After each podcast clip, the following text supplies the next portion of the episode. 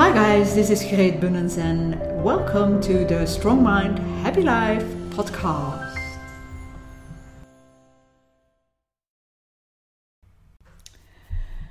Some time ago, I had an interesting discussion with a colleague of mine. We were discussing a project that we were working on together, and I said uh, to her at a certain moment, um, You might do do it this way i can't remember what i said but something like maybe you should do it this way and then suddenly she stopped me and she said I can't learn anything from you because you are not superior to me, so you don't have to give me any feedback. Thank you.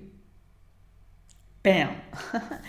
and that is pretty interesting, and my reaction to that is Is that so? So you can't learn anything from me because I'm not superior to you. Um, first of all, indeed, I'm not superior to, to you. Uh, everybody's equal. But then again, I think that you can learn always something from somebody.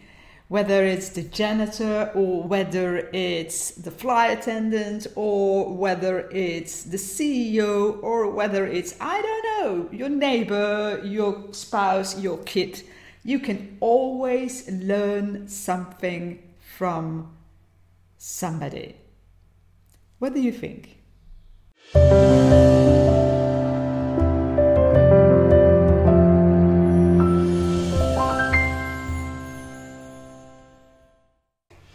You've been listening to the Strong Mind Happy Life podcast. Please subscribe to this channel. Thank you.